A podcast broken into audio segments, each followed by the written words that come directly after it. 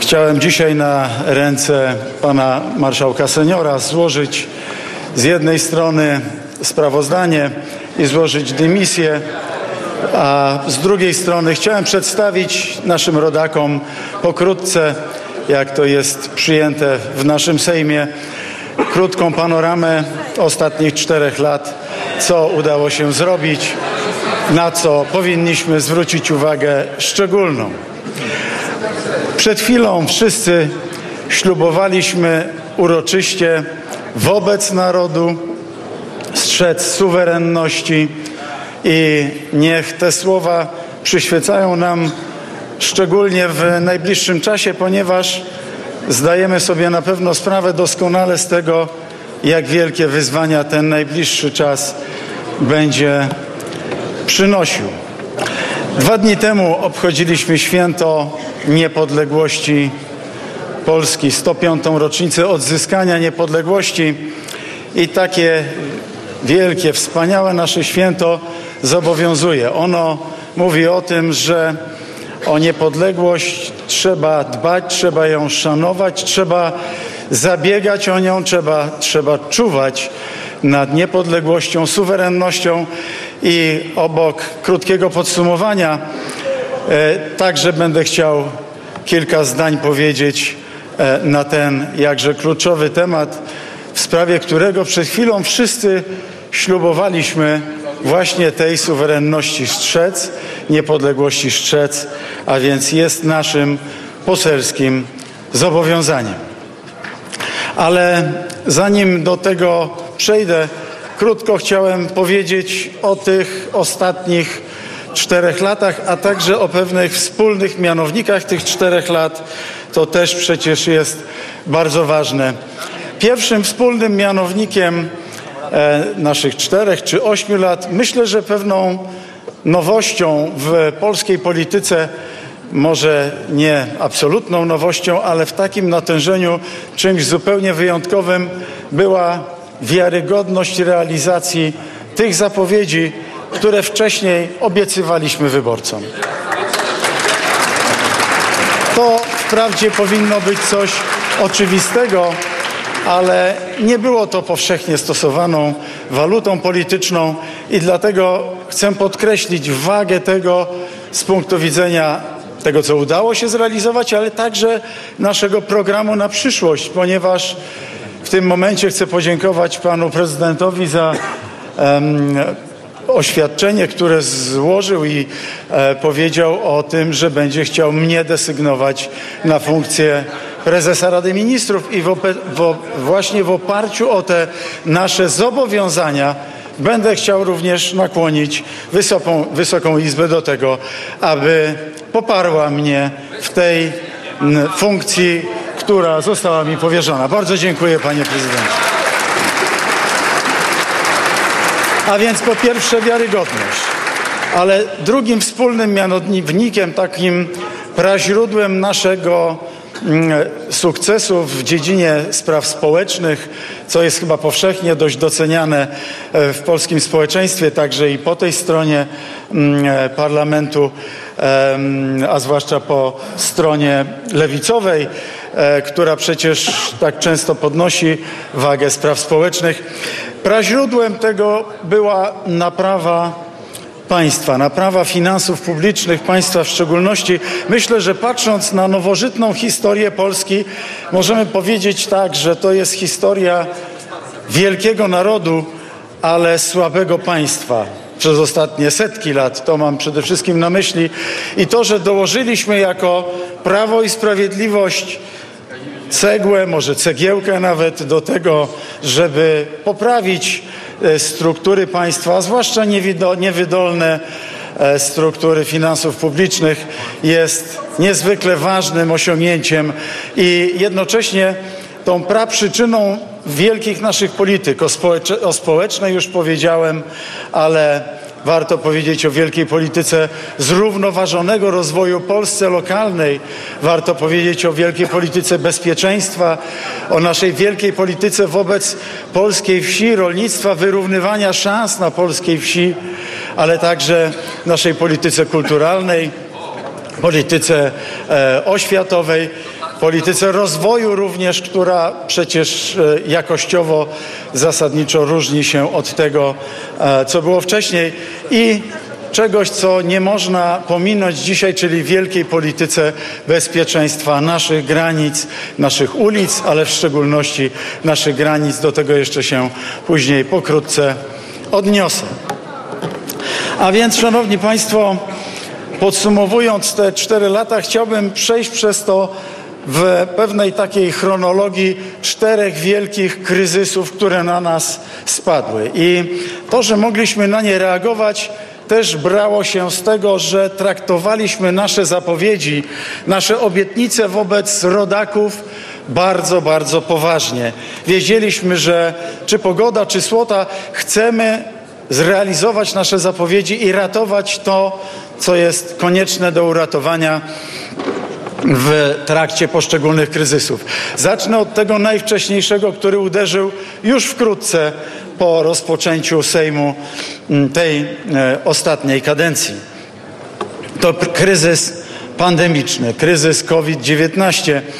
Ten kryzys, który mógł doprowadzić do gigantycznego wzrostu bezrobocia, upadłości setek tysięcy firm i jednocześnie e, do tego, aby polska gospodarka bardzo gwałtownie cofnęła się w rozwoju.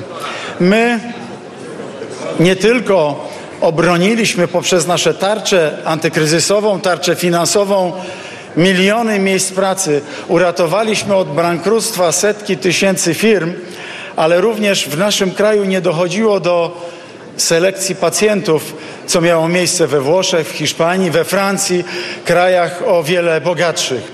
A Polska nie tylko w rozwoju się nie cofnęła, ale możemy najlepiej, i to może najważniejsza gospodarczo liczba, podsumować te cztery lata wzrostem gospodarczym. To taki przecież e, wszechogarniający wskaźnik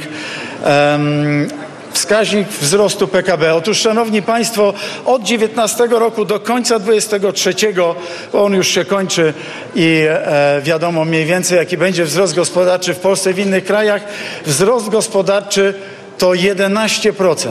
Jeden z absolutnie najwyższych w Unii Europejskiej, ba, w krajach OECD również.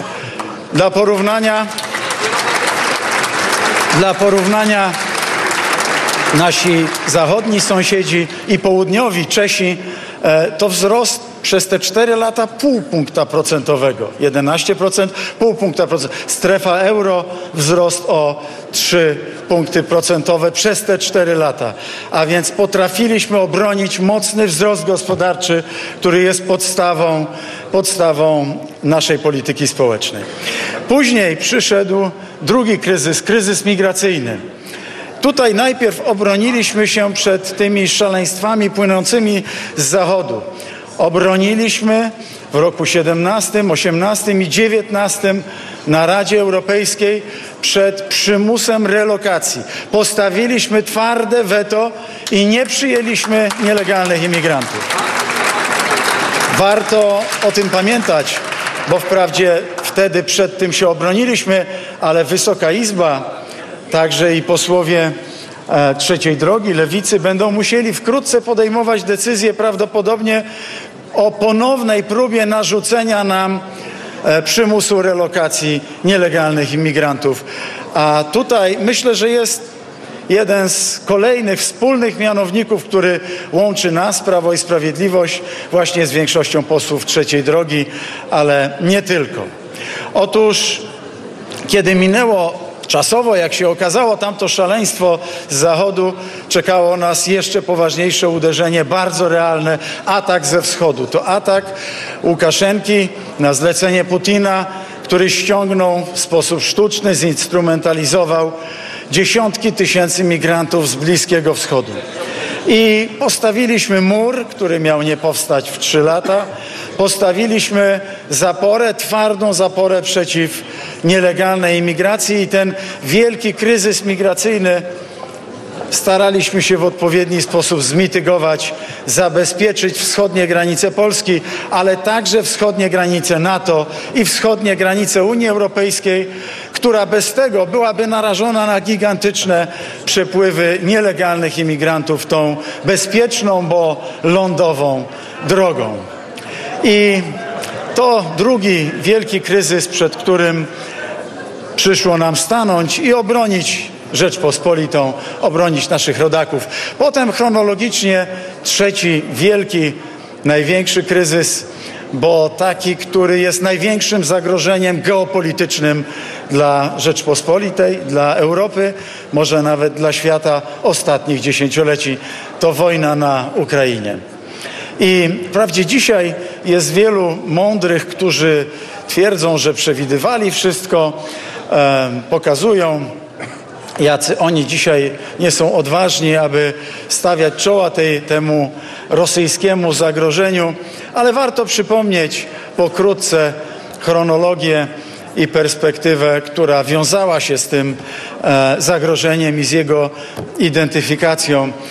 Trzeba jako, jako, jako, jako pierwszym powiedzieć o panu prezydencie Lechu Kaczyńskim, który w 2008 roku wypowiedział swoje prorocze słowa.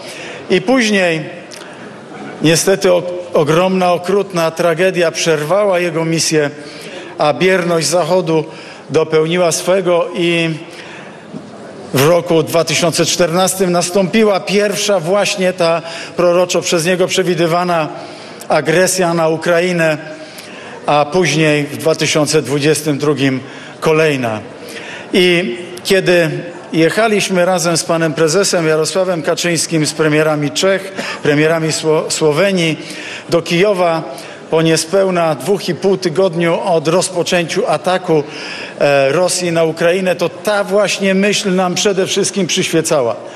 W jaki sposób zapobiec temu, aby tamte słowa ataku na Ukrainę, a potem na państwa bałtyckie, a potem na Polskę nie stały się rzeczywistością. I przed tym nasi drodzy rodacy, rząd Prawa i Sprawiedliwości chronił Polaków poprzez przede wszystkim umacnianie naszego sojuszu.